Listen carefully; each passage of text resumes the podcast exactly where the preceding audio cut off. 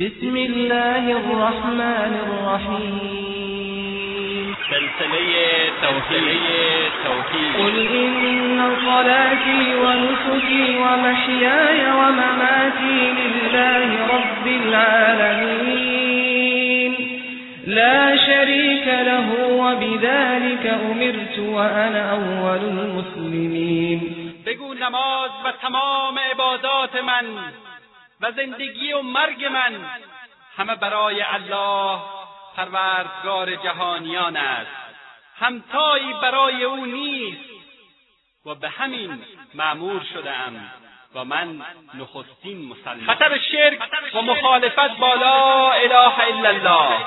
خطر شرک و مخالفت با لا اله الا الله.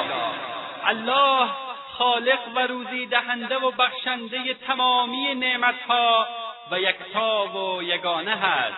پس چگونه انسان به خود اجازه می‌دهد که به سوی مخلوقی همچون خود متوجه شود؟ آیا می‌دانید برای چه آفریده شده اید وما خلقت الجن والإنس إلا ليعبدون من جن و انس را نیافریدم جز برای اینکه عبادتم کنند. سلسله توحید. ایمان به لا اله الا الله یعنی اقرار به وحدانیت الله سبحانه و تعالی. ایمان به لا اله الا الله یعنی تصدیق به قلب. ایمان به لا اله الا الله یعنی عمل به اله الا الله. ایمان به لا اله الا الله دعوت همه پیامبران الهی. تنها معمن تسکین دردها لا اله الا الله تنها راه نجات انسان توحید تنها راه نجات انسان لا اله الا الله است. توحید اولین و اساسی ترین شرط رستگاری و رسیدن به کمال معنوی است. توحید مهمترین موضوع مطرح شده در همه کتابهای آسمانی و مخصوصا قرآن مجید توحید تنها هدف بعثت انبیا و دعوت مشترک همه پیامبران از آدم تا خاتم علیهم السلام بوده وما أرسلنا من قبلك من رسول إلا نوحي إليه أنه لا إله إلا أنا فاعبدون. و ما هیچ رسولی را به رسالت نفرستادیم جز آن که به او وحی کردیم که به جز من الهی نیست. تنها مرا به یکتایی پرستش کنید و بس. سلسله توحید. خطر شرک و مخالفت با لا اله الا الله. شرک گناهی بزرگ است و هرگز بخشیده نمی شود إن الله لا يغفر أن يشرك به ويغفر ما دون ذلك لمن يشاء. الله هرگز شرک را نمی بخشد و پایین تر از آن را برای هر کس که بخواهد و شایسته بداند می بخشد موحد گنهکار بخشیده خواهد شد.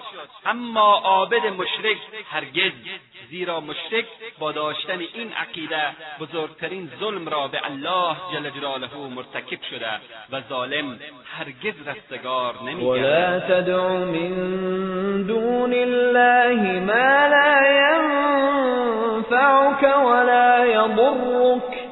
فإن فعلت فإنك إذا من الظالمين. و جز الله چیزی را که نه سودی به تو میرساند و نه زیانی مخوان.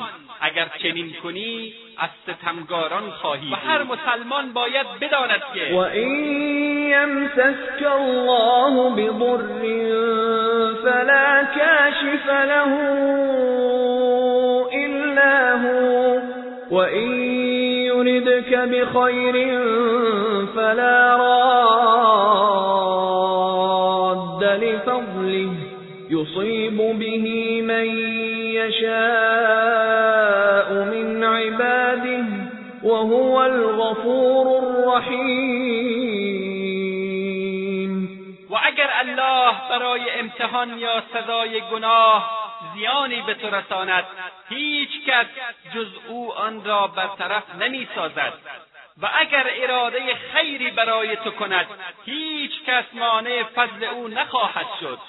آن را به هر کس از بندگانش بخواهد میرساند و او غفور و خطر شرک و مخالفت با لا اله الا الله. برادران و خواهران مسلمان. بترسید از روزی که یوم لا ینفع مال ولا بنون. إلا من أتى الله بقلب سلیم روزی که مال و فرزندان سودی نبخشد مگر کسی که با دلی پاک نزد الله بیاید. بترسید از روزی که برای حساب و کتاب حاضر شوید در آن روز وجاءت كل نفس معها سائق و شهید. و هر نفسی را فرشته ای برای حساب و کتاب به حشر بکشاند و فرشته دیگری به اعمال نیک و بدش گواهی دهد. امروز این سخنان را نمیشنوید و یا باور نمی کنید و یا فراموش می کنید آیا غافلید؟ آیا حقیقت را نمی بینید لقد كنت في غفلة من هذا فكشفنا عنك غطاءك فبصرك اليوم حديد. براستی از این امر در غفلت بودی. پس امروز پرده را از جلو چشمانت برداشتیم که امروز چشمانت تیز بین است. برادر عزیز خواهر گرامی مرگ به سراغ همه ما آمدنی است. هیچ کس نمی‌تواند از مرگ فرار کند. و بعد از آن مسیر هر یک از ما مشخص می شود موحدان و یک پرستان به باغی از باغهای بهشت و مشرکان و قبر پرستان و پیر پرستان و امام پرستان و زیارت پرستان به قهر جهنم می روند حال انتخاب با شماست. فراموش نکنید که مرگ آمدنی. خالق فقط الله است. رازق فقط الله است کمک کننده فقط الله است مشکل گشا فقط الله است حاجت روا فقط الله است شفا دهنده فقط بشارت باد تو را. به آن روزی که نامه اعمالت را به دست راستت می‌دهند فاما من اوتی کتابه بیمینه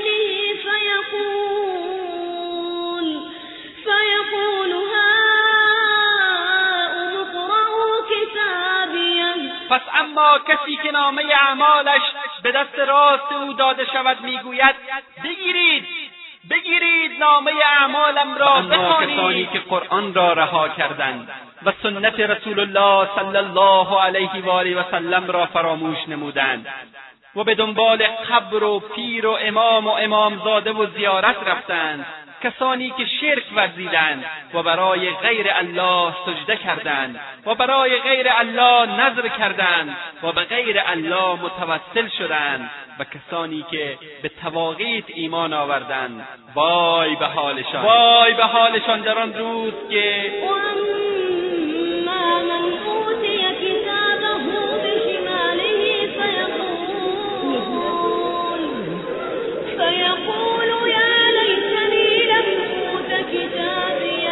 و اما کسی که نامه اعمالش به دست چپ او داده شود گوید ای کاش نامه اعمالم به من داده نمی‌شد.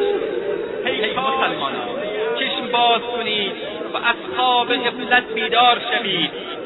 دین حقیقی بسم الله الرحمن الرحیم. الحمد لله رب العالمين والصلاة والسلام على نبينا محمد المبعوث رحمة للعالمين وعلى آله وصحبه ومن دعا بدعوته يوم الدين. برادران و خواهران مؤمن و مسلمان السلام علیکم و رحمت الله و برکاته.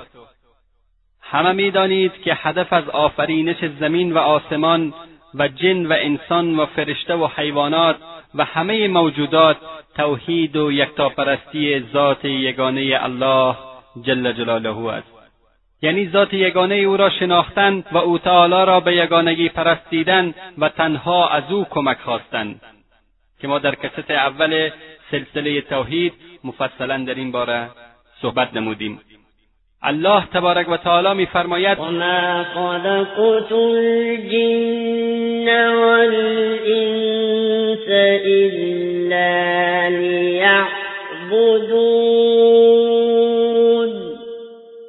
من جن و انس را نیافریدم جز برای اینکه عبادتم کنند. برادران و خواهران مسلمان باید بدانیم که بعضی از اعمالی که عدهای از انسانها ندانسته انجام می‌دهند شرک بوده و یا در مقابل و مخالف با مفهوم عبادت الله جل جلاله و یا ضدیت با لا اله الا الله قرار دارد. شرک ورزیدن به الله جل جلاله و مخالفت با لا اله الا الله عملی خطرناک و نابود کننده دنیا و آخرت انسان می باشد که ما می‌خواهیم بعضی از مهمترین آنها را خدمت شما عزیزان بیان بکنیم و قبل از همه باید بدانیم که برای شناخت چیزی نیاز به دو مسئله داریم. اول شناخت حقیقت آن چیز که ما در کست اول که به عنوان توحید و معنی لا اله الا الله بود بیان نمودیم. دوم شناخت ازداد آن یا آنچه با آن مخالف است. ازداد یا همان اعمالی که ضد توحید و یا ایمان به لا اله الا الله هست گاهی در مقابل اصل توحید قرار می‌گیرد که آن را شرک اکبر مینامند. و مرتکب آن مشرک و مرتد به شمار می رود و گاهی در مقابل کمال توحید مطلوب قرار می گیرد که آن را شرک اصغر می نامند و با ارتکاب آن ضربهای به پیکر توحید وارد می شود و آن را معیوب می سازد و همانطور که می‌دانیم توحید وقتی کامل می گردد که از هر گونه شرکی پاک و منزه باشد. نخست صورتهای شرک اصغر را به تفصیل بیان خواهیم کرد. مانند پوشیدن دستبند و نخ و پارچه و غیره مانند مهره و پاره آهن که گاهی میپوشند و گاهی داخل خانه اویزان می‌کنند و برخی به وسایل نقلیه خود میبندند و یا به گردن کودکان اویزان می‌کنند. یا به پنجره زیارتها میبندند. اینها همه از یک قبیلند. بعضیها متاسفانه معتقد هستند که این دستبند یا مهره و یا غیره چیزها چنین و چنان تأثیری دارد و مفید است. یا برای پیشگیری از بلا و مصیبت بوده و برای رفع آن مفید می باشد گرچه این چیزها به ظاهر حقیر و غیر خطرناک معلوم می شود ولی مگر نمی بینید که این دستبند و مهره ارزش را به جایی رسانیدند که معتقدند در مقابل قضا و قدر الله جل جلاله می و آنها را برطرف می‌سازند. حالا شاید بپرسید چرا این چیزها شرک است؟ به خاطر اینکه قلب انسانها به آن وابسته است و معتقدند اینها دارای فلان تأثیر می‌باشند. لازم به نظر می‌رسد که در اینجا یک قاعده را یادآور بشویم و آن اینکه نباید هیچ چیزی را سبب و مؤثر چیزی دانست مگر اینکه شرعا ثابت بشود که این چیز دارای فلان تأثیر است. یا اینکه به وسیله تجربه ثابت شده باشد که فلان چیز دارای فلان تأثیر است. مانند تاثیر برخی از دوا و داروها و یا تاثیر برخی از اسباب ظاهری مانند گرفتن گرما از آتش و سردی از آب و غیره. همچنین باید دانست که شرک اصغر گاهی به شرک اکبر تبدیل می شود و آن در صورتی است که انجام دهنده آن معتقد باشد که این چیزها به نفسهی دارای این تاثیر هستند. یعنی سبب بودن آن را از میان بردارند و خودشان را متصرف بدانند که یقینا این نوع تصور شرک اکبر است. الله جل جلاله میفرماید ولئن سألتهم من خلق السماوات والأرض ليقولن الله. قل أفرأيتم ما تدعون من دون الله إن أرادني الله بضر هل هن كاشفات ضره أو أرادني برحمة هل هن ممسكات رحمته؟ قل حسبي الله. علیه یتوکل المتوکلون و اگر از آنها بپرسی چه کسی آسمانها و زمین را آفریده است؟ حتما میگویند الله بگو آیا هیچ درباره معبودانی که غیر از الله می‌خوانید فکر می‌کنید که اگر الله زیانی برای من بخواهد آیا آنها می‌توانند گزند او را برطرف سازند؟ و یا اگر رحمتی برای من بخواهد آیا آنها می توانند جلو رحمت او را بگیرند؟ بگو الله مرا کافی است و همه متوکلان تنها بر او توکل می‌کنند.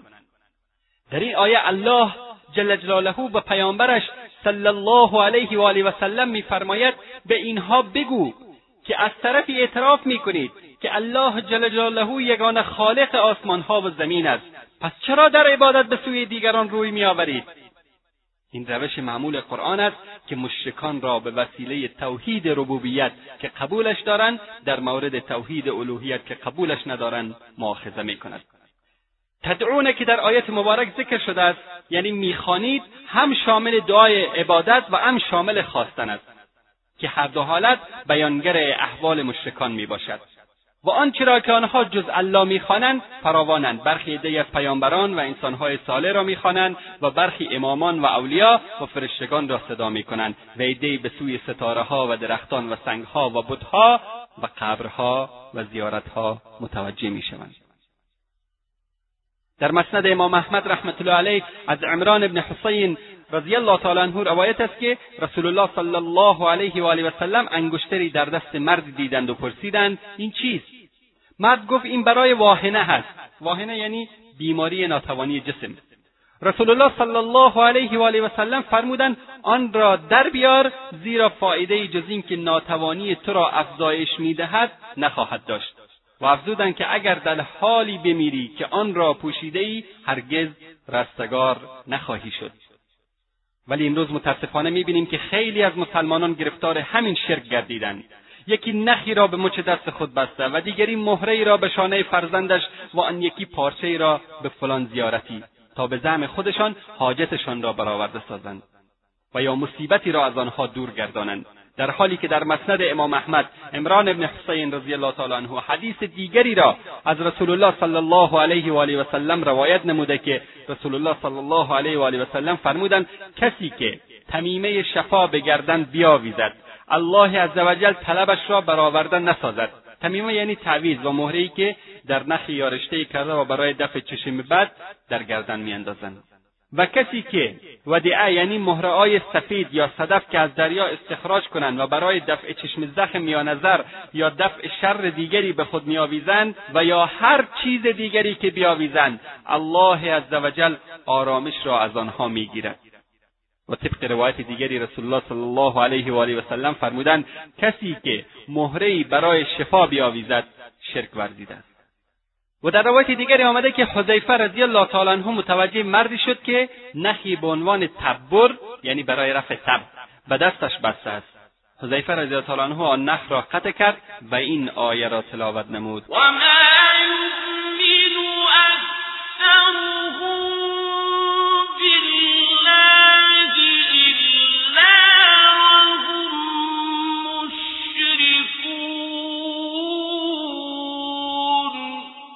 اکثر چنینند که ایمان نمیآورند مگر اینکه شرک میورزند. گذشتگان نیک امت علما و اصحاب پیامبر صلی الله علیه و آله و سلم در مورد تفسیر این آیه. و ما یؤمن اکثرهم بالله الا وهم مشركون. فرمودند که آنها ایمان دارند که الله خالق و رازق و زنده کننده و کشنده است. و توحید ربوبیت را قبول دارند اما با این حال در توحید عبادت شرک میورزند پس معلوم شد که توحید ربوبیت به تنها کافی و نجات دهنده نیست. تا اینکه الله سبحانه و تعالی را در عبادت نیز یگانه قرار نداده باشیم.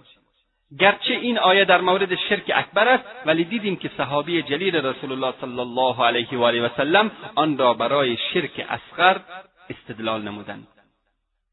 حال ببینیم که حکم اسلام درباره دم خواندن و گردنبند چیست رقیه یا دم و دعا عبارت است از اوراد و دعایی که می‌خوانند و میدمند یا به اصطلاح معروف چف و پف می‌کنند بعضی از آنها برای بیماری های جسمی و داخلی و بخشی برای تأثیر روحانی خوانده می شود. بخشی از این خواندنها جایز و مشروع است و قسمتی ناجایز و شرک است. رسول الله صلی الله علیه و آله و سلم میفرمایند دم خواندن تا وقتی که شرکآمیز نباشد اشکالی ندارد. شرکآمیز آن است که در آن استمداد و کمک خواستن از غیر الله باشد یا نام شیطان گرفته شود. تمیمه یا تعویز هر چیزی که به قصد شفا یا دفع ضرر و چشم زخم یا نظر به گردن آویزان کنند. چه قطعه پوستی باشد یا صدف و یا شکل سر حیوانی یا اذکار و اوراد و یا دانه تسبیح یا دانه خرما و غیره. که همه اینها به دلیل اینکه مخالف با شریعت و قضا و قدر الهی می باشند ناجایز است. بعضیا می‌گویند ما شبیه این چیزها را در وسایل نقلیه و یا در منازل خود آویزان می‌کنیم برای زینت. ولی این کار را صرفا برای تزئین انجام می‌دهیم نه به خاطر شفا و غیره. در جواب باید گفت که برای تزئین نیز جایز نیست زیرا تشابه با کسانی می شود که آن را برای شفا و دفع ضرر می آویزند و رسول الله صلی الله علیه و آله و سلم میفرمایند من تشبه بقوم فهو منهم. هر کسی با قومی مشابهت اختیار بکند از آنان محسوب می شود و از ابن مسعود رضی الله تعالی عنه در مسند امام احمد و ابو داود روایت شده که رسول الله صلی الله علیه و آله و سلم فرمودند دم شرکامیز و تمیمه برای حفاظت از چشم زخم یا نظر و تعویز محبت شرک است. و از عبدالله ابن حکیم مرفوعا در مسند امام احمد رحمت الله علیه و ترمیزی رحمت الله علیه روایت شده که رسول الله صلی الله علیه و آله و سلم فرمودند کسی که چیزی آویزان بکند الله جل جلاله نیز او را به همان چیز می سپارد و در حدیث عبدالله ابن حکیم آمده من تعلق شیئا وکل الیه.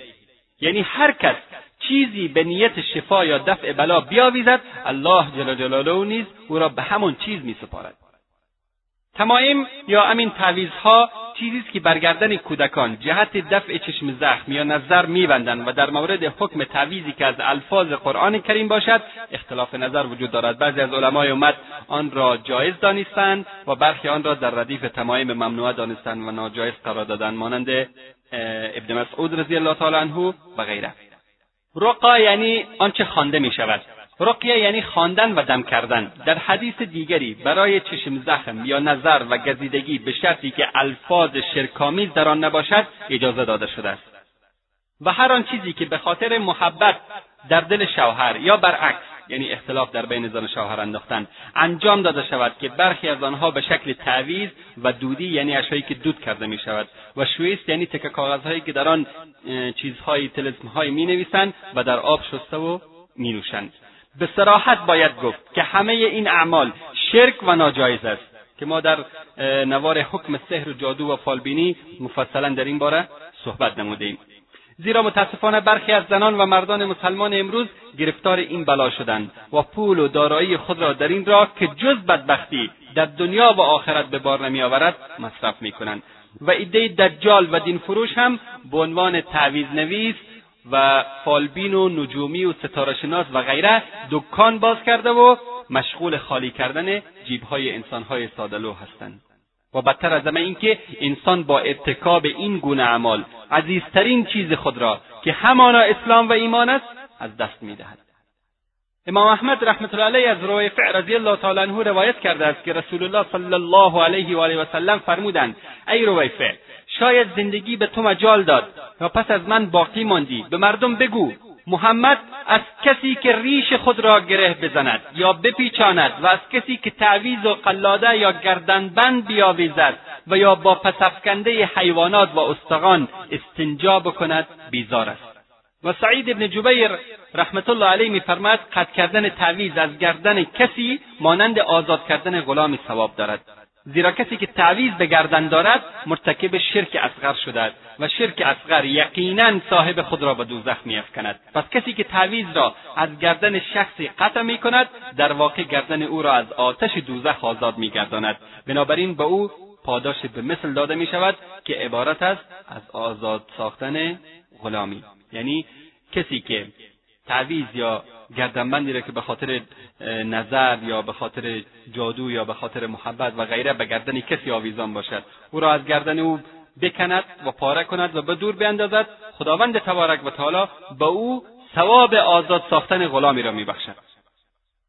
ابراهیم نخعی رحمت الله علیه که از شاگردان ابن مسعود رضی الله تعالی عنه است میفرماید ابن مسعود و سایر شاگردانش تعویز را مکروه می‌دانستند گرچه از الفاظ قرآن باشد.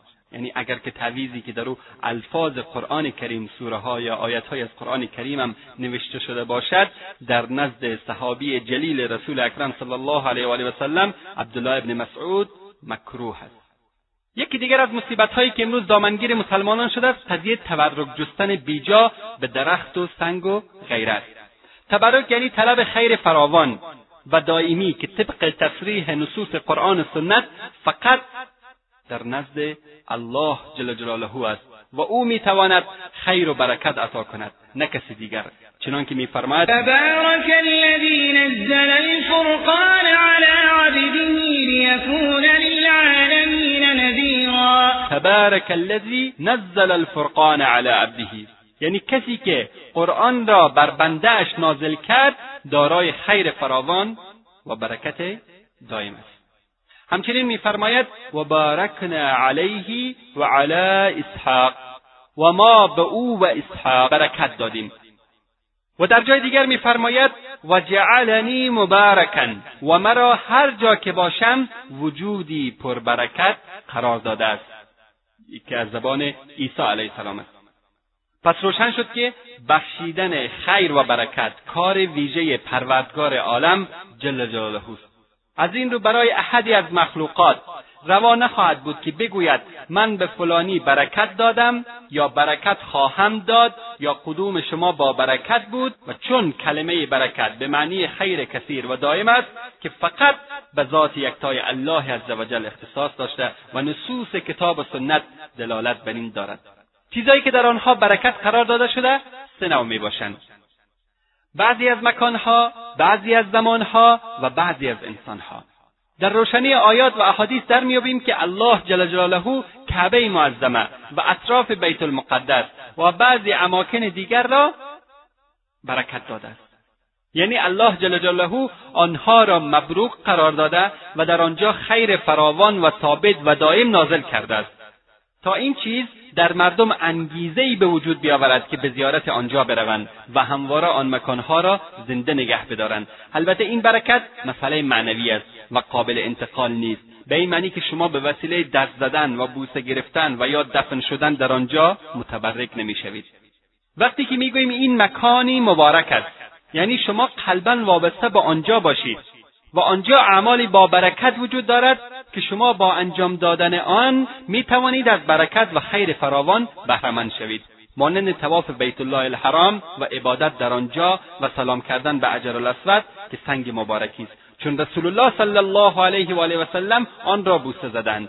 ما نیز به پیروی از ایشان آن را بوسه می‌زنیم و از برکت پیروی رسول الله صلی الله علیه و آله و سلم بهرهمند می‌شویم. از این رو وقتی سیدنا عمر فاروق اعظم رضی الله تعالی عنه اجرالاسد را بوسه زد فرمود می‌دانم که سنگی بیش نیستی و ضرر و فایده ای نمیرسانی. و زمانهای مبارک هم مانند رمضان و بعضی دیگر از روزهای سال که اگر کسی آنها را گرامی بدارد به این معنی که در آنها عبادتی را که شرعا منقول است انجام دهد از خیر فراوان و برکت آن عبادتها بهرهمند میگردد. که آن خیر را در ایام دیگر نمی‌تواند به دست بیاورد. و اما انسانهای مبارک یا با برکت مانند انبیا و پیامبران الهی که الله جل جلاله ذات آنها را مبارک و مبروک قرار داده است که می‌توان با دست زدن به جسم مبارک یا عرق و موهایشان تبرک جست چنانکه اصحاب رسول الله صلی الله علیه و آله و سلم به حرق و موی و آب وضوی ایشان تبرک میجستند و این برکتی است که ذاتی و قابل انتقال نیست و فقط مخصوص پیامبران و انبیا علیهم السلام است.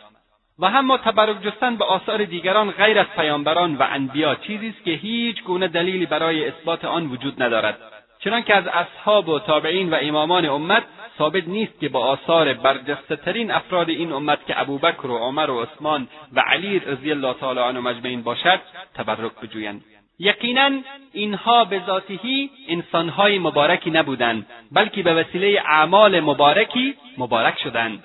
بنابراین می‌گوییم هر انسان مسلمانی مبارک است. ولی نه اینکه وجودش دارای برکت است بلکه اسلام و ایمان و عظمت الله عزوجل که در قلبش وجود دارد و پیروی از رسول الله صلی الله علیه و آله و سلم و علم و عمل و اخلاص اینها همه برکاتی هستند که صاحب خود را مبارک می‌کنند.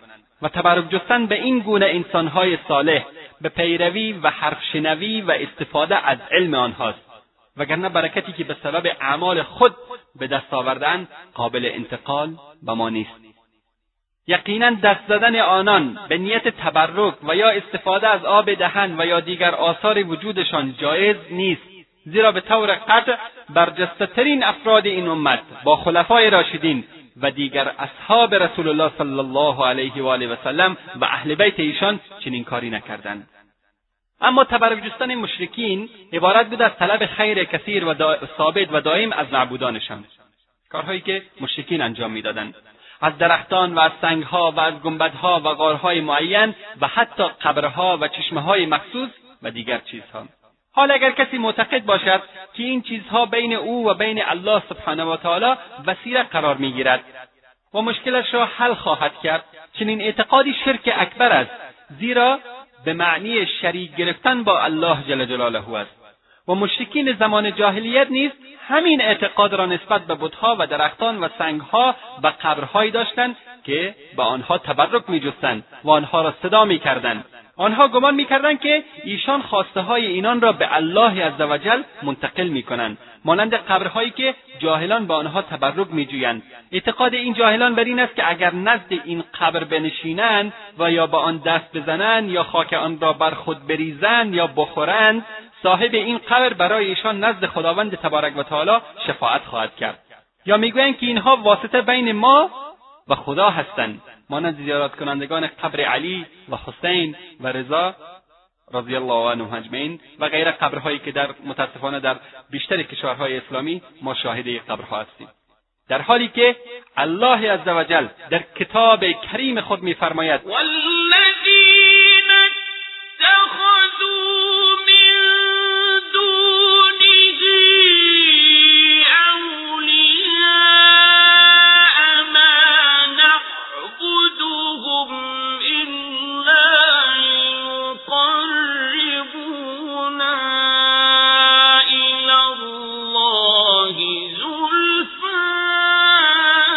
و آنها که غیر الله را اولیای خود قرار دادند. و دلیلشان این بود که اینها را نمیپرستیم مگر به خاطر اینکه ما را به الله جل جلاله نزدیک می‌کنند. و خاک قبر را بر سر و صورت پاشیدن یا خود را به آن مالیدن یا از آن خوردند به نیت اینکه این خاک مبارکی است و او را مبارک میگرداند یا شفا میبخشد چنین اعتقادی شرک محسوب می‌شود. همچنین خداوند تبارک و تعالی در قرآن کریم میفرماید افرأیتم اللات والعزى ومنات الثالثة الاخرى ای مشرکان به من خبر دهید آیا بتهایی که آنها را عبادت می‌کنید لات و عزا و منات که سومین آنهاست آیا به شما نفع و ضرری رسانیدند تا شریک الله جل جلاله باشند؟ و در ترمیزی از ابو واقد لیسی رضی الله تعالی عنه روایت است که میفرماید ما در حالی که تازه مسلمان شده بودیم با رسول الله صلی الله علیه و آله و سلم به سوی حنین می‌رفتیم. مشکین آن دیار درخت سدری داشتند که آن را عبادت می‌کردند و صلاحهای خود را به خاطر تبرک به آن آویزان مینمودند. آن درخت معروف به ذات الانوات بود. ما به رسول الله صلی الله علیه و آله و سلم گفتیم برای ما نیز ذات الانوات مقرر کنید. رسول الله صلی الله علیه و آله و سلم فرمودند الله اکبر این گونه خواسته ها روش پیشینیان است و شما به الله سوگند همان سخنی را گفتید که بنی اسرائیل به موسی علیه السلام گفتند آنها به موسی گفتند قالوا یا موسی اجعل لنا الها كما لهم آلهه قال انکم قوم تجهلون برای ما نیز معبودی مقرر کن. همانطور که آنها یعنی مشرکین معبود دارند. موسی فرمود شما نادان هستید. آنگاه رسول الله صلی الله علیه و آله و سلم افزودند شما نیز از روشهای آنها پیروی خواهید کرد. و امروز متاسفانه می‌بینیم بسیاری از کسانی که ادعای ایمان می‌کنند ادعای مسلمان بودن می‌کنند ادعای محبت رسول اکرم صلی الله علیه و آله و سلم را می‌کنند اما عبادتشان در بالای زیارت فلان پیر فلان ولی فلان امام یا فلان شخص است. و اگر به آنچه قبر پرستان در زمان حاضر انجام میدن توجه بکنید متوجه خواهید شد که آنها نسبت به صاحب قبر عینا همان اعتقادی را دارند که مشرکین سابق به لات و عزا و منات و ذات الانواد داشتند. حتی نسبت به پنجره های آهنی قبر اعتقاداتی دارند.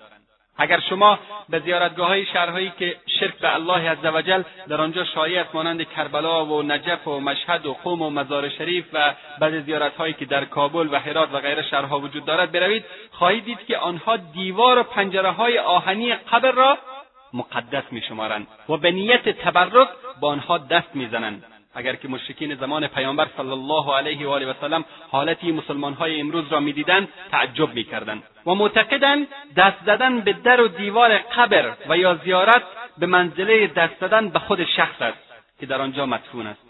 و به گرد آنها تواف می‌کنند و معتقدند که صاحبان این قبرها به خواسته هایشان پاسخ میدن یا حداقل خواستهایشان را به الله عزوجل منعکس می‌کنند که چنین اعتقادی شرک اکبر محسوب می شود زیرا آنان یکی از بندگان الله سبحانه و تعالی را صدا می کنند و معتقدند که او در نفع و ضرر متصرف است. یا اینکه وسیله و رابطی بین آنها و بین الله عزوجل می باشند این همه بهانه مشرکین سابق بود.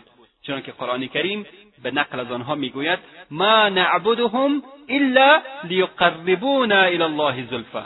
اینها را نمیپرستیم مگر به خاطر اینکه ما را به الله نزدیک می‌کنند. حین امان سخنی که امروز از قبرپرستان و پیرپرستان و امام پرستان امروز میشنویم. چرا این کار را انجام می‌دهید؟ به خاطر که این امام یا این پیر یا این زیارت یا این قبر ما را به خدا نزدیک می‌کند. حین امان سخنی که قرآن کریم از زبان مشرکین نقل می‌کند. اما اینکه بعضی از انسانهای نادان درب و دیوار و ستونهای مسجد الحرام و مسجد النبی صلی الله علیه و آله و سلم و قبرستان بقی و دیگر اماکن مقدس را به قصد تبرک دست می‌کشند از دو حال خارج نیستند. یا معتقدند که در اینجا فرشته و یا روح فلان پیامبر یا ولی نهفته است و شفاعت آنها را خواهد کرد. اگر چنین اعتقادی داشته باشند مرتکب شرک اکبر شدند. اما اگر فقط به خاطر اینکه اینها اماکن مقدس و مبارکی هستند و به نیت شفا یافتن چنین بکنند مرتکب شرک اصغر شدند که یکی از دیگری بتر است. یکی دیگر از اعمال شرکآمیز ذبح کردن یا قربانی نمودن حیوان برای غیر الله جل جلاله می باشد و همه می‌دانیم که ذبح یا قربانی یعنی ریختن خون حیوانی. در ذبح کردن دو چیز مهم است و اساس این بحث نیز بر آنهاست. اول گرفتن نام کسی انگام ذبح کردن. دوم هدف از ذبح کردن. گرفتن نام کسی انگام ذبح کردن یعنی کمک گرفتن از آن شخص است. مثلا وقتی شما می‌گویید بسم الله یعنی کمک می‌گیرم و تبرک حاصل می‌کنم از نام الله عزوجل. اما هدف از ذبح کردن همان جنبه عبادی و نیت تقرب است. پس جمعا چهار صورت وجود دارد. در ذبح کردن یا قربانی کردن. اول هنگام ذبح کردن نام الله جل جلاله گرفته شود و هدف هم خوشنودی او تعالی باشد و این نوع یعنی این عمل توحید و عبادت است. عین توحید است. بنابراین در جایی که هدف از ذبح کردن ایوان تقرب الی الله باشد باید هم نام الله عزوجل را بگیرد و امنیت تقرب را داشته باشد مانند قربانی عید اضحی یا عید قربان و عقیقه و خیرات. اگر چنانچه عمدن نام الله عزوجل را نگرفت حیوان ذبح شده حرام میگردد. اما اگر هدف از ذبح نمودن حیوان تقرب الی الله نبود بلکه برای مهمانی کسی و یا به نیت گوشتخوری آن را ذبح می‌کند یا قربانی می‌کند این هم اشکالی ندارد. فقط نام الله عزوجل را در انگام ذبح باید بگیرد. دوم انگام ذبح کردن نام الله جل جلاله را بگیرد ولی هدف خوشنودی غیر الله باشد. مثلا با زبان بگوید به نام الله و در دل فلان ولی و فلان پیغمبر یا فلان صاحب قبر یا فلان امام را نیت بکند و خون را به خاطر او بریزد. این کار شرک است. زیرا خون آن حیوان به خاطر تعظیم غیر الله ریخته شده است. و آنچه امروز در مراسم استقبال بعضی از شخصیتهای مذهبی و سیاسی و در جلو قدم آنها و در پیش روی عروس و داماد قربانی می‌کنند یا ذبح می‌کنند از همین قبیل است گرچه نام الله بر آن گرفته می شود یعنی با وجود که نام الله را در اون قربانی بگیرن یا در ذبح مرغی یا گوسفندی یا حیوانی بگیرن به خاطر تعظیم و استقبال فلان شخصیت یا عروس داماد کشته شده ذبح برای غیر الله محسوب می شود و علما گوشت این گونه حیوانات را حرام می‌دانند به خاطر اینکه خون آنها برای تعظیم آن شخص ریخته می شود نه برای مهمانی او. و باید دانست که شایسته نیست از بندگان بدین صورت تجلیل شود. زیرا ریختن خون فقط برای تجلیل و تعظیم ذات مبارک الله عزوجل جایز است که خونها را در رگها جاری ساخته است. سوم اینکه هم نام غیر الله بر آن گرفته شود و هم نیت تقرب غیر الله بشود. مثلا بگوید به نام مسیح و در دل نیز خوشنودی او را نیت بکند. یا بگوید به نام حسین یا به نام زینب و یا به نام علی یا به نام عبدالقادر جیلانی و غیره. که این عمل شرک اکبر و کفر است. و خوردن غذایی در روز آشورا و دیگر مناسبات به نام حسین رضی الله تعالی عنه و دیگران درست می شود مانند نظرهایی که به نام فلان پیر و امام یا بیبی فلانی باشد جایز نیست و خوردن آن حرام می باشد زیرا نظر و قربانی فقط به خاطر الله جل جلاله و هر کس که نظر و قربانیش به خاطر غیر الله باشد مرتکب شرک شده است. کسی که چنین بکند یعنی نظر و قربانی را برای غیر الله انجام بدهد هم مرتکب شرک در عبادت شده و هم مرتکب شرک در استعانت شده است. چهارمین طریقه ذبح. ای است که ذبح به نام غیر الله باشد و هدف خوشنودی الله باشد. گرچه این نوع خیلی کم اتفاق میافتد ولی باز هم کسانی که چنین می‌کنند مرتکب شرک شدند. خلاصه اینکه گرفتن نام غیر الله انگام ذبح شرک در استعانت و کمک خواستن و تعظیم غیر الله جل جلاله و نیت تقرب به غیر الله و شرک در عبودیت است. بنابراین الله جل جلاله میفرماید ولا تأكلوا مما لم يذكر اسم الله عليه وإنه لفسق وإن الشياطين ليوحون إلى أوليائهم ليجادلوكم وإن أطعتموهم إنكم لمشركون. و از آن که نام الله بر آن برده نشده نخورید. این کار گناه است. و شیاطین به دوستان خود مطالبی مخفیانه القا می کنند تا با شما به مجادله برخیزند. اگر از آنها اطاعت کنید شما هم مشرک خواهید بود. ببینید که قرآن کریم چگونه جالب وصف این گونه انسانها را بیان میدارد. اگر بگویید که برادرم یا خواهرم فلان عملی که شما انجام داده اید شرک است مخالف با قرآن و سنت است با شما مجادله می‌کنند طوری که قرآن کریم میفرماید که و شیاطین به دوستان خود مطالبی مخفیانه القا می‌کنند تا با شما به مجادله برخیزند. اگر از آنها اطاعت کنید شما هم مشرک خواهید بود. الله عزوجل در جای دیگر میفرماید. قل ان صلاتي ونسكي ومحياي ومماتي لله رب العالمين. لا شريك له وبذلك امرت وانا اول المسلمين. بگو نماز و تمام عبادات من و زندگی و مرگ من همه برای الله پروردگار جهانیان است. همتایی برای او نیست و به همین معمور شدم و من نخستین مسلمانم. قل این صلاتی و نسکی. این آیه دلالت بر این دارد که قربانی و نماز دو عبادتند و فقط الله جل جلاله شایسته است که این عبادتها برای او تعالی انجام گیرد. و همچنین میفرماید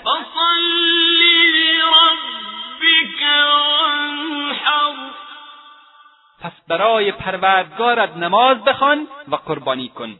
نماز و قربانی دو عبادتند و عبادت یعنی هر عمل و گفتار و کردار ظاهری و باطنی که الله عزوجل میپسندد و با آن خشنود میگردد. نماز یکی از اوامر الله سبحانه و تعالی. پس نزد وی محبوب و پسندیده است. همچنین قربانی از دستورات الله جل جلاله است. پس او بدان راضی می شود و آن را میپسندد. همچنین در صحیح مسلم از علی رضی الله تعالی عنه روایت است که رسول الله صلی الله علیه و آله و سلم فرمودند لعنت و نفرین الله بر کسی باد که برای غیر الله ذبح بکند و لعنت و نفرین الله بر کسی که پدر و مادر خود را نفرین می کند و لعنت و نفرین الله بر کسی که خائنی را پناه بدهد و لعنت و نفرین الله بر کسی که حدود زمین را تغییر بدهد. در مسند امام احمد از طارق بن شهاب رضی الله تعالی عنه روایت است که رسول الله صلی الله علیه و آله و سلم فرمودند مردی به خاطر مگسی به بهشت و مردی به خاطر مگسی به دوزخ رفت. پرسیدند چگونه؟ پیامبر صلی الله علیه و آله و سلم فرمودند دو مرد از کنار قومی گذشتند که این قوم بتی داشتند و معمول بود که هیچ کس از آنجا نمیگذشت مگر اینکه نظر می‌کرد. به یکی از آنها گفتند نظرانه پیش کن. گفت چیزی ندارم. گفتند مگسی نظر کن قبول کرد و مگسی نظر کرد او را رهایش کردند. و با این عمل سرانجام به کجا رفت؟ به دوزخ رفت. به نفر دوم گفتند نظرانه پیش کن. گفت من تاکنون برای غیر الله نظر نکردم. آنها گردن او را زدند و بدین صورت شهید شد و به بهشت رفت. و همچنین نباید در مکانی که برای غیر الله نظر و قربانی شده است برای الله عزوجل قربانی کرد. یعنی در جایی که برای غیر الله حیوانی را سر بریدند در آنجا و یا در مجاورت و نزدیکی آنجا نباید برای الله عزوجل حیوانی ذبح کرده شود یا قربانی کرده شود. زیرا این عمل مشابهت با مشرکان است. و گفتیم که پیامبر صلی الله علیه و آله و سلم میفرمایند من تشبه بقوم فهو منهم. هر کس با قومی مشابهت کرد یا از آنها پیروی کرد از جمله آنها حساب می شود چنانکه برخی از مشرکین مسلمان نما و اهل خرافات را می‌بینی که نزد قبور صالحین و زیارتگاه و اماکن دیگری که به زعم آنها مقدس می‌باشند گاو و گوسفند و شتر قربانی می‌کنند. حال اگر فرد مسلمان و موحدی خواست خون حیوانی را به خاطر الله عزوجل بریزد یعنی فقط به خاطر الله عزوجل خواست قربانی بکند باید از ذبح کردن ایوان در چنین مکانهایی پرهیز نماید زیرا این کار مشابهت با مشرکان می باشد و باعث تعظیم آن مکان می گردد که این کار حرام است و از جمله وسایلی است که منجر به شرک می شود داستان جالبی است. منافقین زمان پیامبر صلی الله علیه و آله و سلم مسجدی به نیت اینکه پناهگاهی باشد برای توطیه علیه اسلام و مسلمانان ساختند و از رسول الله صلی الله علیه وسلم خواستند که در آنجا اقامه نماز بکند یا آن مسجد را افتتاح کند. که منظورشان این بود که پیامبر صلی الله علیه با نماز خواندن یک نوع مشروعیت به این مسجد اونها بدن. اما از آنجا که نماز خواندن پیامبر و مسلمانان در آن مسجد به معنی تایید کردن آن و به ضرر اسلام بود با که نماز پیامبر صلی الله علیه و مسلمانان مخلصانه بود به خاطر خداوند عزوجل بود ولی باز هم الله جل جلاله ایشان را از خواندن نماز در مسجد زرار منع کرد و همین است حکم مسلمانان مخلصی که می‌خواهند در مکانی که مشرکین حیوانات خود را در آنجا ذبح می‌کنند ذبح بکنند. زیرا با این عملشان سبب تعظیم آن مکان می‌شوند. و درباره همین مسجد زرار خداوند تبارک و تعالی به حضرت محمد صلی الله علیه و آله و سلم امر می‌کند که لا تقم فیه ابدا. هرگز در آن مسجد به عبادت نایست و ابو داود به شرط بخاری و مسلم از ثابت من زحاک رضی الله تعالی عنه روایت کرده است که شخصی نظر کرده بود که در بوانه شطوری ذبح بکند. از رسول الله صلی الله علیه و آله و سلم در این مورد سوال کرد.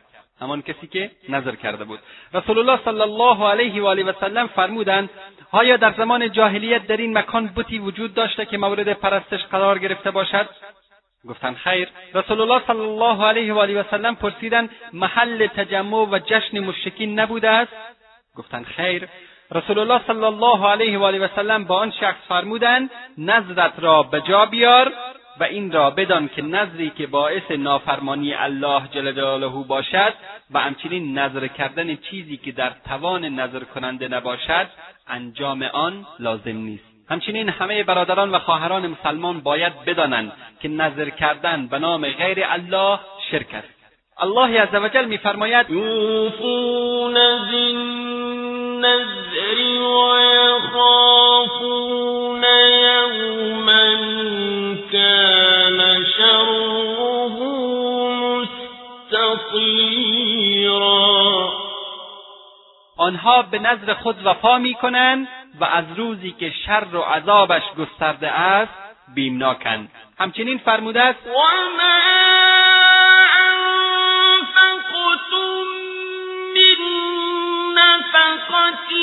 الله يعلم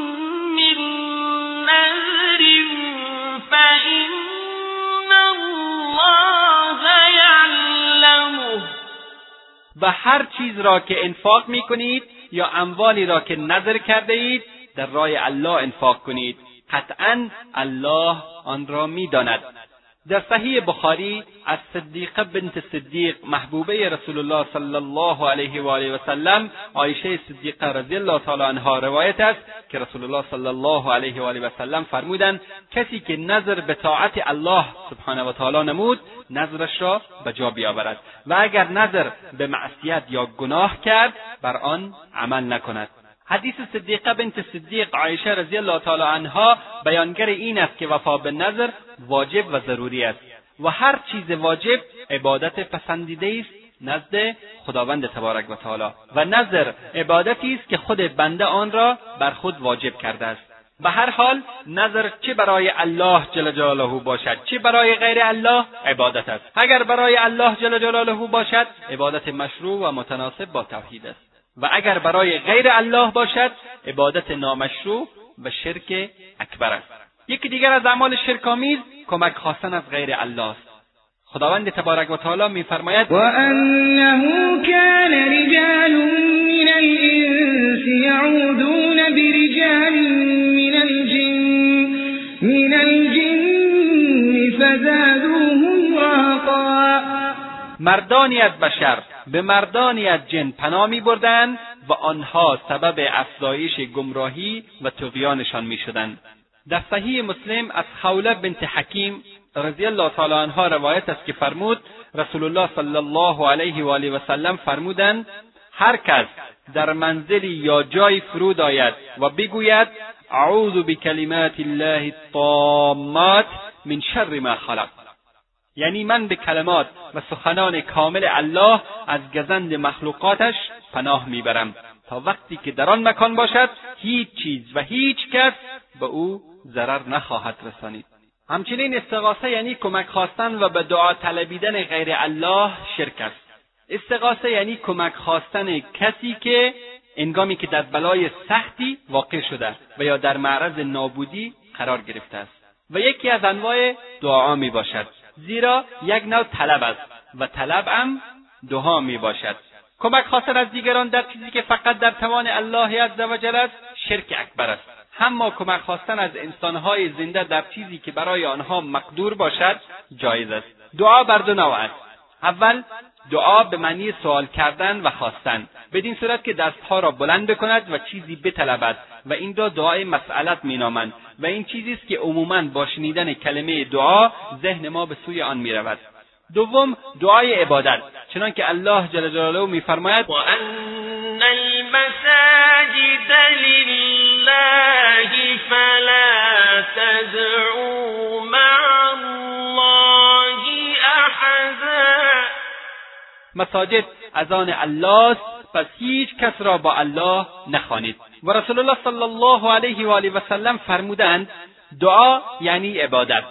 و این نوع دعا سایر عبادتها مانند نماز و زکات و حج و غیره را نیز شامل می شود بیان این مسئله لازم بود تا بدانیم که هر دو نوع دعا عبادتند و آنچه که بعضی از اهل بدعت میکوشند تا آیه را تعویل کنند و بگویند که دعای مسئلت به معنی عبادت نیست سخنی است دور از حقیقت.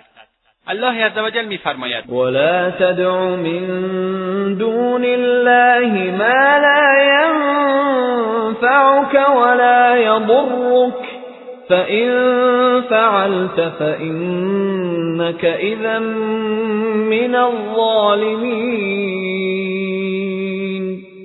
و جز الله چیزی را که نسودی به تو میرساند و نزیانی مخوان. اگر چنین کنی از ستمگاران خواهی بود. و این یمسسک الله بضر فلا کاشف له الا هو. و این یردك بخیر فلا راد لفضله. يصيب به من من عباده وهو الغفور الرحیم و اگر الله برای امتحان یا سزای گناه زیانی به تو رساند هیچ کس جز او آن را برطرف نمی سازد و اگر اراده خیری برای تو کند هیچ کس مانع فضل او نخواهد شد. آن را به هر کس از بندگانش بخواهد میرساند. و او غفور و رحیم است. در آیه کریمه میآید ولا تدعو نهی است. یعنی خداوند تبارک و تعالی نهی می‌کند و شامل انواع دعا می باشد هم دعای مسئلت و خواستن و هم سایر عبادتها را در بر می‌گیرد. من دون الله فرق نمی کند چه غیر الله مستقلا مورد پرستش و استغاثه قرار بگیرد یا در کنار الله عزوجل غیر الله را نیز به فریاد بخوانند. ما لا ینفعک ولا یضرک. کلمه ما عام است و هر کس یا چیزی را که مشرکین صدا می‌کنند و از او کمک می‌خواهند شامل می شود چه فرشته یا پیغمبری یا ولی یا امامی یا بتی یا پیری یا چوب و سنگی یا قبری باشد. هیچ کدام مالک نفع و ضرر نیستند. فان فعلت الله جل جلاله به پیامبرش میفرماید اگر احیانا تو یکی از اینها را که هیچ گونه نفع و ضرری نمیرسانند به فریاد بخوانی در صف مشرکین ظالم قرار خواهی گرفت. الله جل جلاله برای اثبات عظمت گناه شرک این فرض محال را در مورد پیامبر محبوبمان رسول الله صلی الله علیه و آله و سلم برای ما مثال می‌زند در حالی که رسول الله صلی الله علیه و آله و سلم معصوم از شرک هستند و مراد از ظلم در اینجا شرک است. پس وقتی که پیامبری که همواره در اسمت الله جل جلاله به سر می‌برد و هیچگاه مرتکب شرک نمی شود این گونه با این لحن تند نسبت به شرک برحضر داشته می شود پس باید کسانی که جایگاه بسیار کمتری دارند بیشتر در این مورد حساسیت داشته باشند و از شریک گرفتن با الله جل جلاله گریزان باشند. و بعد از آن الله جل جلاله قاعده کلی بیان فرمود و برای همیشه اساس و ریشه شرک را قطع نمود و فرمود و این یمسسک الله بضر وقتی الله عزوجل ضرری را متوجه تو ساخت چه کسی خواهد توانستان را برطرف نماید؟ یقینا فقط همان کسی که آن را آورده و در تقدیرت نوشته است. او تعالی خواهد توانست برطرفش بکند. بدین صورت الله عزوجل متوجه شدن به غیر الله را در مصائب و مشکلات از بین برد. البته اسلام کمک خواستن از انسان زنده و حاضر را در محدوده قدرتش جایز قرار داده است. زیرا او به عنوان سببی برای جلب منفعت یا دفع ضرر قرار داده شده است. و آن هم به اجازه و خواست الله عزوجل زیرا نافع و کاشف حقیقی فقط الله جل جلاله می باشد در آیت دیگری خداوند تبارک و تعالی میفرماید فابتقوا عند الله الرزق واعبدوه. روزی را تنها نزد الله بطلبید و او را پرستش کنید. همچنین فرموده است و من اضل ممن یدعو من دون الله من لا یستجیب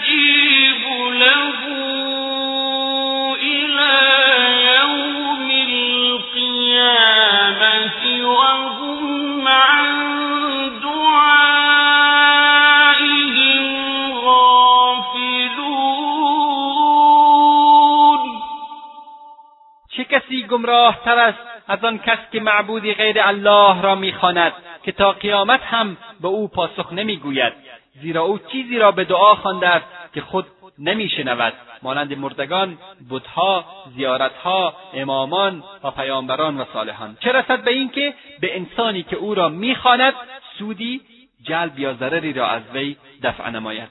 نه فقط آنان را اجابت نمی‌گویند بلکه حتی از دعایشان کاملا بیخبرند و صدای آنها را هیچ نمیشنوند. در آیه 62 سوره نمل خداوند تبارک و تعالی میفرماید امن یجیب المضطر اذا دعاه ویکشف السوء. کیست آنکه دعای مضطر یعنی درمانده را اجابت می‌کند و گرفتاری را برطرف می‌سازد؟ اله مع الله؟ استفهام انکاری است. یعنی نباید غیر از الله کسی دیگری را معبود قرار داد. و به وقت مصیبت غیر الله را خواند و چیزی را که خارج از حیطه قدرت اوست از او طلبید. و در آخر آیه میفرماید قلیلا ما تذکرون. قلیلا ما تذکرون. ولی شما کم پند میپذیرید. تبرانی با سند خیش روایت کرده است که در زمان رسول الله صلی الله علیه و آله و سلم منافقی بود که مسلمانان را اذیت می‌کرد. بعضیا گفتند برویم از رسول الله صلی الله علیه و آله و سلم کمک بگیریم تا ما را از شر این شخص نجات بدهد.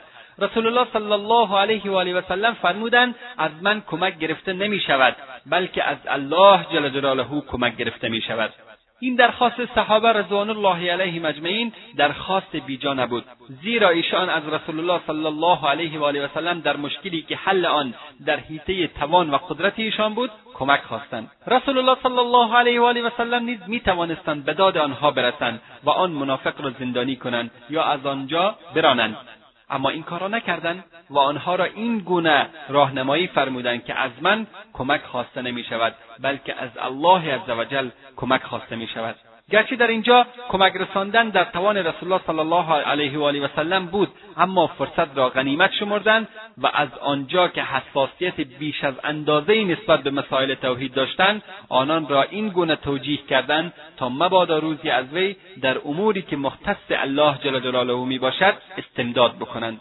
و الله عز وجل میفرماید ایشرکون ما لا یخلق شیئا وهم یخلقون. ولا يستطيعون لهم نصرا ولا انفسهم ینصرون آیا موجوداتی را همتای او قرار می‌دهند که چیزی را نمیآفرینند و خودشان مخلوقند و نمی‌توانند آنان را یاری کنند و نه خودشان را یاری می‌دهند؟ این آیه بزرگترین برهان و دلیل توحید و یگانگی الله عزوجل در توحید عبادت است. که فطرت و عقل سالم انسانها را مخاطب قرار می‌دهد. فقط او خالق است نه کسی دیگر. پس فقط او شایسته عبادت است نه کسی دیگر. فقط الله خالق است و هم او رازق است و فقط او مالک است و بس. و غیر از او احدی در خلقت و روزی دادن و امر و نهی و ملکیت بهره ندارند. حتی سرور مخلوقات که محمد صلی الله علیه و آله و سلم باشند این گونه مورد خطاب قرار می‌گیرند.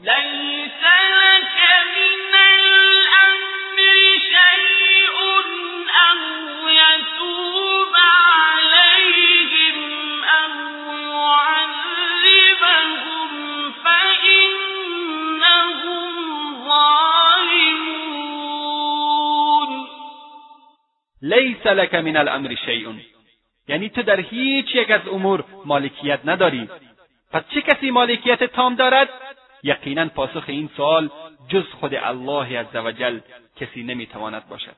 وقتی این مسئله از رسول الله صلی الله علیه و آله و سلم منتفی می شود پس از کسانی که مقامشان به مراتب از ایشان کمتر است مانند علی و حسین و فاطمه و رضا و غیره رضی الله عنهم اجمعین به طریق اولا منتفی خواهد شد. با این حال عدهای را می‌بینی که به سوی مردگان و انسانهای صالح و انبیا و اولیا و امامان و قبرها و زیارتها متوجه می‌شوند و گمان می‌کنند آنان اختیاراتی دارند و می‌توانند روزی بدهند یا شفا بخشند و یا بدون اجازه الله سبحانه و تعالی سفارشی بکنند در حالی که آنها خود مخلوق و پرورده الله عزوجل می‌باشند. چیزی را نیافریدند بلکه خود آفریده شدند و هرگز قادر نیستند به فریاد فریاد کنندگان رسیدگی بکنند و هیچ تصرفی در ملک الله جل جلاله ندارند.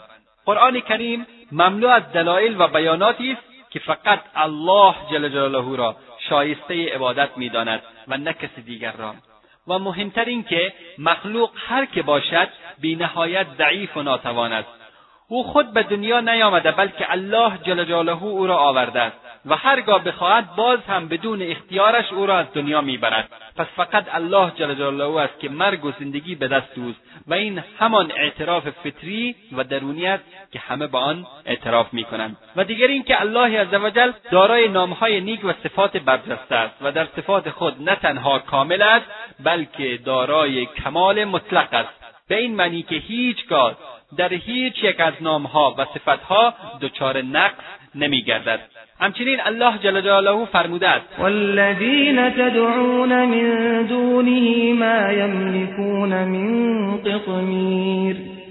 إن تدعوهم لا يسمعوا دعاءكم ولو سمعوا ما استجابوا لكم ويوم القيامة يكفرون بشرككم ولا ينبئك مثل خبیر و کسانی را که جز او می‌خوانید و میپرستید حتی به اندازه پوست نازک هسته خرما مالک نیستند. اگر آنها را بخوانید صدای شما را نمیشنوند. و اگر بشنوند به شما پاسخ نمی‌گویند و در روز قیامت شرک و پرستش شما را منکر می‌شوند و هیچ کس مانند الله آگاه و خبیر تو را از حقایق باخبر نمی‌سازد. و در روایتی از ابن عمر رضی الله تعالی عنهما که بخاری نقل کرده است آمده که رسول الله صلی الله علیه و آله و سلم بعد از اینکه سر از رکوع دوم در نماز فجر بر می داشتند و سمع الله لمن حمد می گفتند اسم افرادی را می گرفتند از مشرکین طبعا و می فرمودند اللهم العن فلانا و فلان. آنگاه این آیه نازل شد لیس لک من الامر شیء. در صحیح بخاری از ابو هریره رضی الله تعالی عنه روایت است که وقتی آیه و انذر عشیرتك الاقربین نازل گردید رسول الله صلی الله علیه و آله و سلم به پا خواستند و فرمودند ای جمع قریشیان خود را از عذاب الله برهانید. زیرا من نمی‌توانم شما را از محاسبه و مؤاخذه الله جل جلاله نجات بدهم. ای عباس ابن عبدالمطلب من نمی‌توانم تو را از عذاب الله نجات بدم. ای صفی عمه رسول الله من نمی‌توانم تو را از عذاب الله نجات بدهم. ای فاطمه دختر محمد هرچی از مال من بطلبی به تو خواهم داد ولی نمی‌توانم تو را از عذاب الله نجات دهم. وقتی سید و سالار پیامبران صلی الله علیه و آله و سلم. به سرور زنان عالم فاطمه رضی الله تعالی عنها میفرماید من نمی‌توانم برای تو کاری انجام بدم. پس چگونه بعضیها ادعا می‌کنند که فلان پیر یا فلان امامی می‌تواند فلان کاری را برای ما انجام بدهد؟ ما می‌دانیم که رسول الله صلی الله علیه و آله و سلم سخن حق را فرمودند. پس نظری به زمان خود و مردمان عصر خود بیافکنیم به حقیقت توحید و همچنین به انحرافی که دامنگیر دین شده است پی می‌بریم. در حدیث ابو هریره رضی الله تعالی عنه آشکارا بیان گردیده که رسول الله صلی الله علیه و آله و سلم به خویشاوندان خود بیش از اینکه آنها را به پذیرش توحید و رسالتش فرا خوانده است سودی نمیرساند. و اما اینکه عذاب الله را از آنان برطرف سازد این چیزی است که نه ایشان توانایی آن را دارند و نه کسی دیگر از بندگان الله. نه صاحب قبری نه امام و امامزادهای نه پیر و شیخی بلکه همه چیز در قدرت ملکوتی و جبروتی الله جل جلاله است. و همچنین او تعالی در کمال و جمال و جلالش نیز یگانه است. همچنین یکی دیگر از اعمالی که مخالف توحید و اصل لا اله الا الله و سبب کفر ورزیدن بنی آدم و ترک نمودن دین الله جل جلاله می شود افراط و غلو در گرامی داشته بزرگان است. الله عزوجل میفرماید یا اهل الكتاب لا تغلو فی دینکم. یا اهل الكتاب لا تغلو فی دینکم. ای اهل کتاب در دین خدا غلو و زیاده روی نکنید. زیاده روی و از حد گذشتن را غلو و بعضیا غلو مینامند. یعنی سبب اصلی کفر و شرک مردم زیاده روی در تعریف و تمجید و بزرگ داشته بعضی از انسانهای صالح و شخصیتهای دینی و مذهبی است. مراد از صالحین پیامبران اولیا و تمام کسانی می باشند که بندگان مقرب و نیکی شناخته می شدند. در مورد بندگان نیک به ما اجازه داده شده است. که آنها را به خاطر الله جل جلاله دوست داشته و گرامی بداریم و در علم و درستکاری از آنها پیروی کنیم و از سنتها و دستورات پیامبران اطاعت نماییم و در صورت نیاز به نصرت و یاری آنها بشتابیم و غیر اعمال نیک. و اما اینکه در محبت آنها تا جایی برسیم که با آنها بعضی از خصوصیات و صفات الوهیت را نسبت بدهیم و بگوییم علم غیب می‌دانسته یا وجود او باعث بقای دنیا است و هرچه خیر و برکت است در وجود او است و غیر مزخرفات اینها شرک و ناجایز و حرام می باشند چنانکه شاعر ایرانی در قصیده مشهورش در مورد علی رضی الله تعالی عنه می‌گوید علی ای امای رحمت تو چه آیتی خدا را که به ما سوا فکندی همه سایه خدا را؟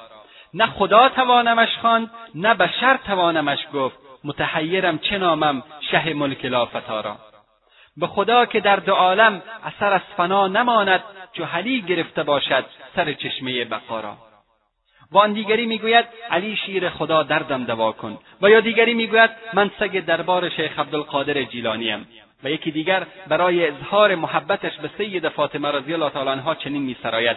حج من بی فاطمه بی حاصل است.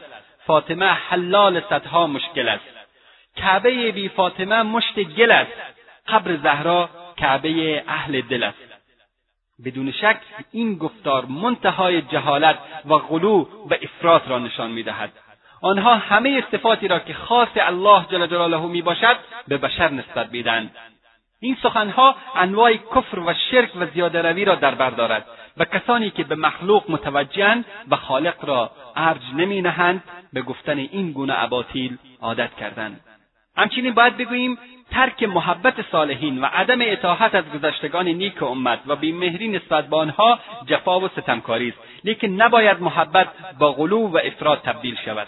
الله جل جلاله در آیه 171 سوره نسا که قرائت شد اهل کتاب را از زیاده روی در امور دین منع می کند و این شامل هر نوع زیاده روی در مسائل مختلف دینی می شود یعنی زیاده روی از حدی که الله جل جلاله تعیین کرده است. وقتی به سرگذشت اهل کتاب که در قرآن بیان شده است نگاه بکنیم می‌بینیم که آنها در تجلیلی از بزرگانشان راه افراد را در پیش گرفتند. مثلا نصارا در مورد عیسی علیه السلام و مادرش و حواریون دچار افراد شدند و یهود در مورد عزیر علیه السلام و موسی علیه السلام و علمای خود افراد کردند و بعضی از خصایص الوهیت از قبیل تدبیر امور و تصرف در ملکوت الله را به آنها نسبت دادند.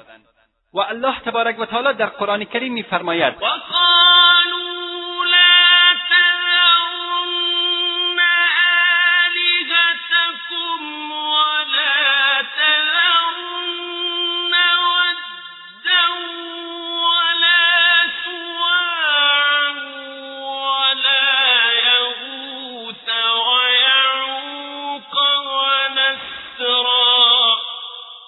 و گفتند کفار. کفار پرست هرگز ترک نکنید معبودان خود را و هرگز ترک نکنید ود و سعا و یغوس و یعوق و نصر را. و در بخاری از ابن عباس رضی الله تعالی عنهما در مورد این آیه سوره نوح منقول است که ود و سعا و یغوس و یعوق و نصر نام انسانهای صالحی از قوم نوح علیه السلام بودند که بعد از فوت آنان شیطان به ملتشان چنین القا کرد که از آنها مجسمهایی بسازند و آنها را به نامهایشان نامگذاری کنند. قومشان این کار را کردند ولی آنها را عبادت نمی‌کردند تا اینکه نسلهای نخستین از بین رفت و جهل فراگیر شد و نسلهای بعدی به عبادت آن مجسمه ها روی آوردند ابن قیم رحمت الله علیه در این مورد میفرماید بسیاری از علمای بزرگ اسلام فرمودند که وقتی بزرگان اهل کتاب وفات میافتند آنها در کنار قبرهایشان میایستادند و بعدا مجسمههایی از آنها میساختند و پس از مدت طولانی به عبادت آنها روی میآوردند.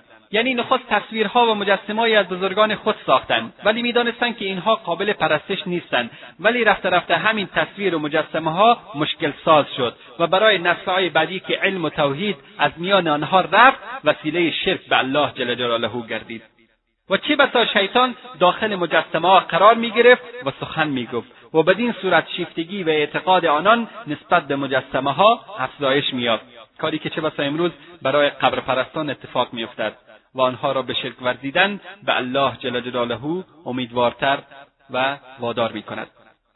در بخاری و مسلم از عمر رضی الله تعالی عنه فاروق اعظم روایت است که رسول الله صلی الله علیه و آله و سلم فرمودند در حق من آن گونه که نصارا در حق عیسی ابن مریم افراد کردند شما افراد نکنید. جز این نیست که من بنده الله هستم. پس بگویید بنده و رسول الله. همچنین رسول الله صلی الله علیه و آله و سلم فرمودند از زیاده روی و افراد پرهیز نمایید زیرا کسانی را که قبل از شما بودند زیاده روی آنها را نابود ساخت همچنین در صحیح مسلم از ابن مسعود رضی الله تعالی عنه این ارشاد رسول الله صلی الله علیه و آله و سلم نقل است که فرمودند متجاوزین از حد نابود شوند و این جمله را سه بار تکرار کردند یکی دیگر از اعمال شرکی ریا و تظاهر است ریا از رویت گرفته شده یعنی نشان دادن. و بدین صورت ریا این است که عبادتی را انسان به ای به آورد که مردم او را ببینند و مدح و تعریفش بکنند ریا و تظاهر بر دو قسم است. اول ریایی که منافقان مرتکب آن می‌شدند و عبارت بود از تظاهر به اسلام در حالی که هنوز قلبا کافر بودند. این نوع ریا کفر اکبر و منافی با توحید است.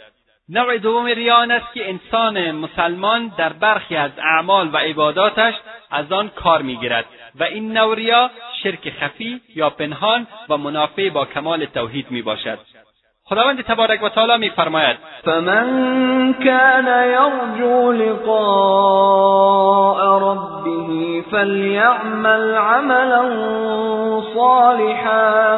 فليعمل عملا صالحا ولا يشرك بعبادة ربه احدا بگو من فقط بشری هستم مثل شما. امتیازم این است که به من وحی می شود تنها معبودتان معبود یگانه است.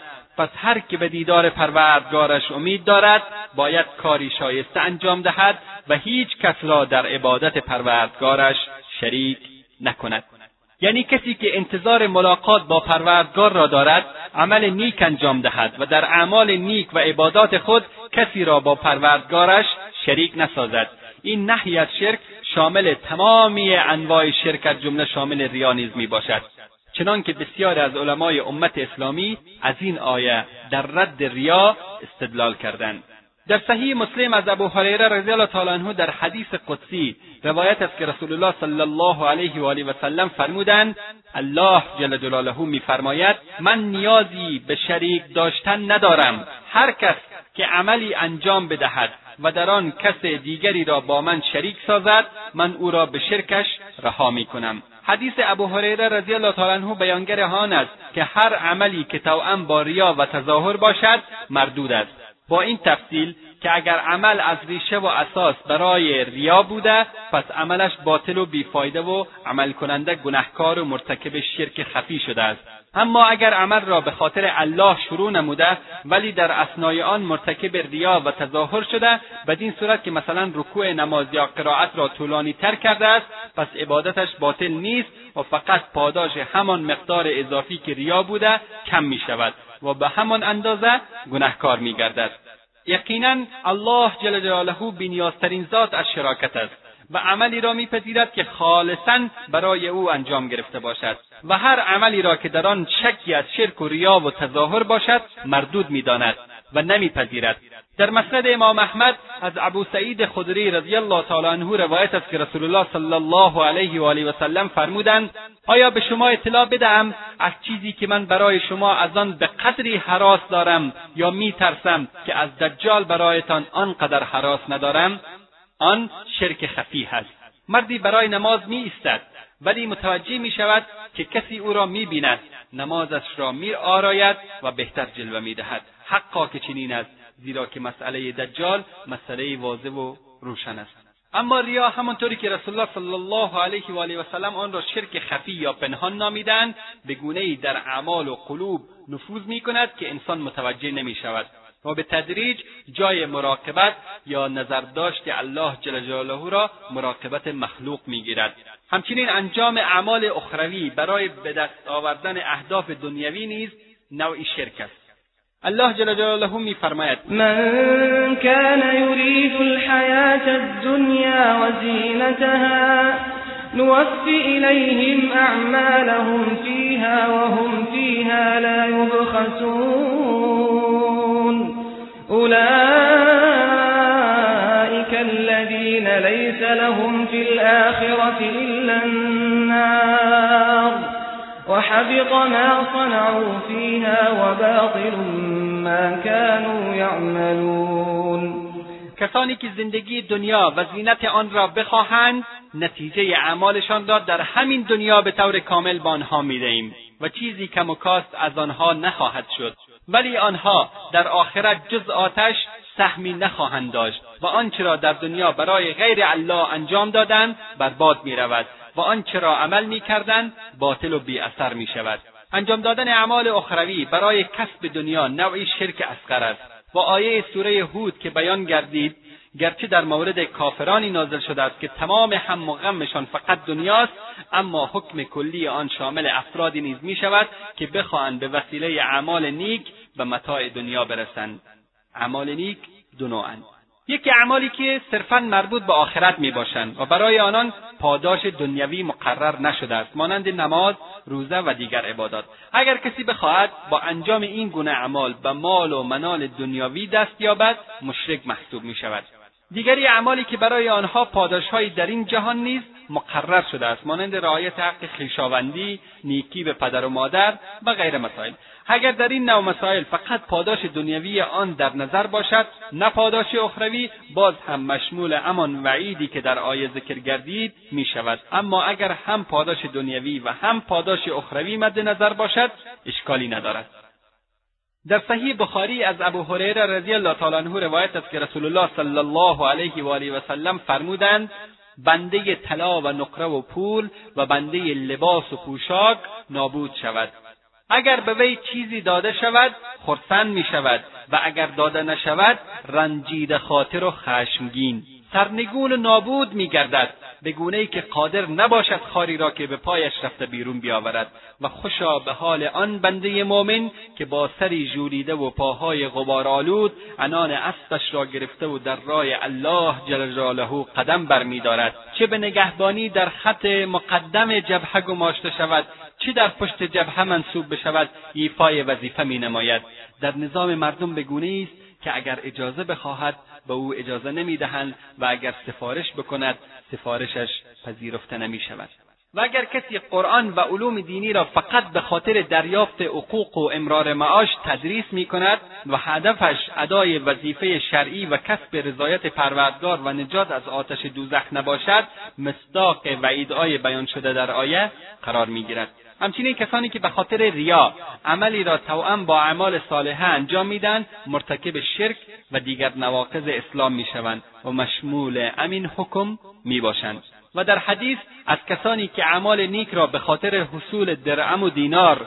و رسیدن به متاع دنیوی انجام می‌دهند به بنده درهم و دینار تعبیر شده است که بی تردید بندگی برای غیر الله شرک محسوب می شود.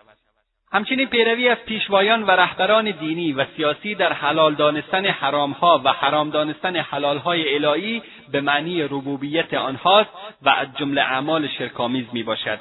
باید بدانیم که به وسیله علما باید نصوص قرآن و سنت را شناخت پیروی از آنان به معنی پیروی از الله جل جلاله و پیامبرش صلی الله علیه و آله و سلم می باشد. البته پیروی مطلق و مستقل فقط از آن الله جل جلاله است. اما پیروی رسول الله صلی الله علیه و آله و سلم لازم و ضروری است به خاطر اینکه الله جل جلاله ما را با آن امر کرده است. چنانکه میفرماید و ما ارسلنا من رسول الا لیطاع باذن الله. ما هیچ پیامبری را نفرستادیم مگر برای اینکه به فرمان الله از وی اطاعت شود. و در مسائل اجتهادی که پیرامون آنها حکمی در قرآن و سنت به چشم نمی‌خورد از علما پیروی می شود به خاطر این حکم الله عزوجل که میفرماید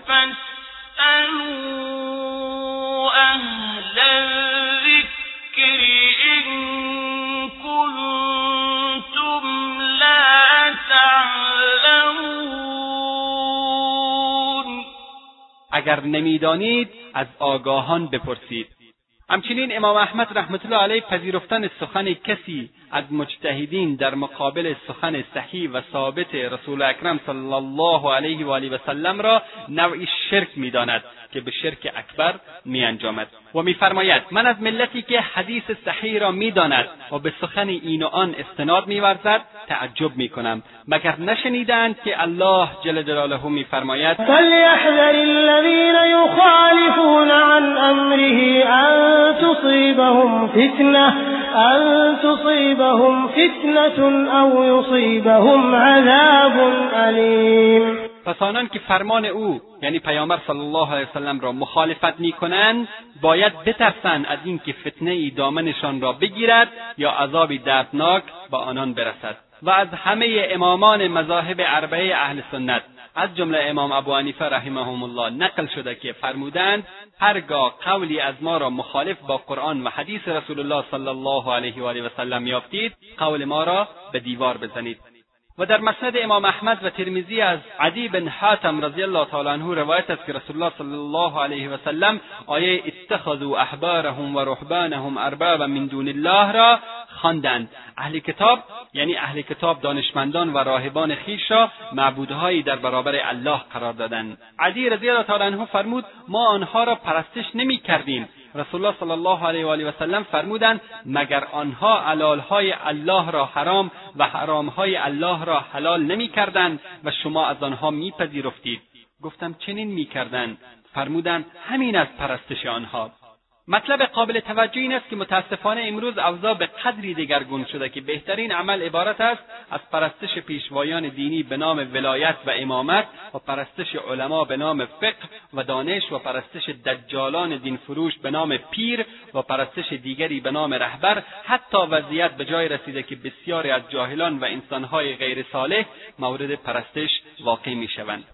الله جل جلاله میفرماید ألم تر إلى الذين يزعمون أنهم آمنوا بما أنزل إليك وما أنزل من قبلك يريدون يريدون أن يتحاكموا إلى الطاغوت وقد أمروا أن يكفروا به ويريد الشيطان أن يضلهم ويريد الشيطان أن يضلهم ضلالا بعيدا.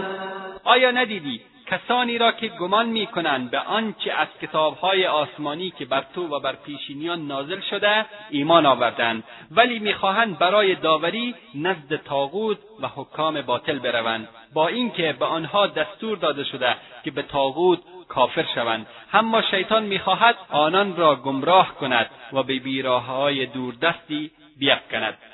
این که ما ایمان داریم که ربوبیت و الوهیت مختص ذات الله جل جلاله می باشد مستلزم این است که الله عزوجل را در حکم و قانونگذاری نیز یگانه بدانیم. از این دو توحید و تحقق لا اله الا الله وقتی صدق پیدا می کند که بندگان در تحکیم نیز به آنچه الله جل جلاله نازل کرده و رسول الله صلی الله علیه و آله و سلم فرمودند روی بیاورند و تسلیم بشوند زیرا ترک کردن حکم الله عزوجل و روی آوردن به قانون بشری و خاصتا پارلمانها کفر به الله عزوجل و معارض با توحید محسوب می شود.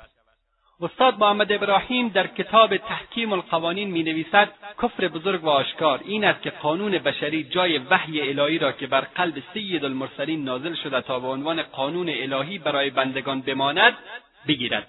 و این عمل مقابله با وحی و ضد اسلام است. در سوره بقره و قیل لهم لا تفسدوا فی الارض قالوا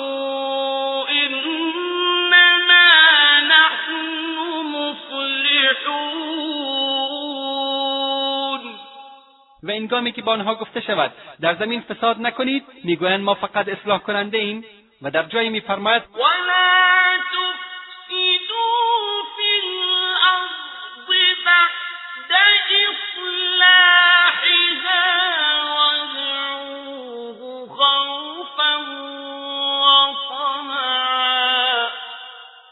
و در زمین پس از اصلاح آن فساد نکنید. و در جای دیگری میفرماید. افحکم الجاهلیت یبغون ومن احسن من الله حکما لقوم یوقنون آیا آنها حکم جاهلیت را از تو می‌خواهند؟ و چه کسی بهتر از الله برای قومی که اهل یقین هستند حکم می‌کند؟ حکم و یا قانون جاهلی عبارت است از آنچه اهل جاهلیت بر یکدیگر حکم می‌کردند.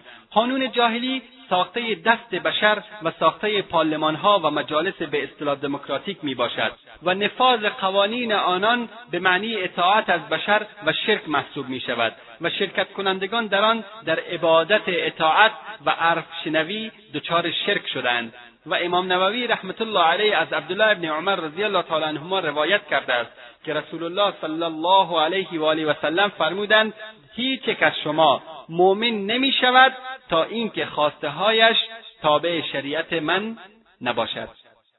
با این احادیث پیامبر صلی الله علیه و آله و سلم از بارگاه خداوند تبارک و تعالی استدعا می کنیم که به ما توفیق پیروی از کتاب خود و سنت پیامبر محبوبمان حضرت محمد صلی الله علیه و آله و سلم را نصیب نماید و ما را به راه راست هدایت کند تا گرفتار شرک و کفر و گمراهی نگردیم.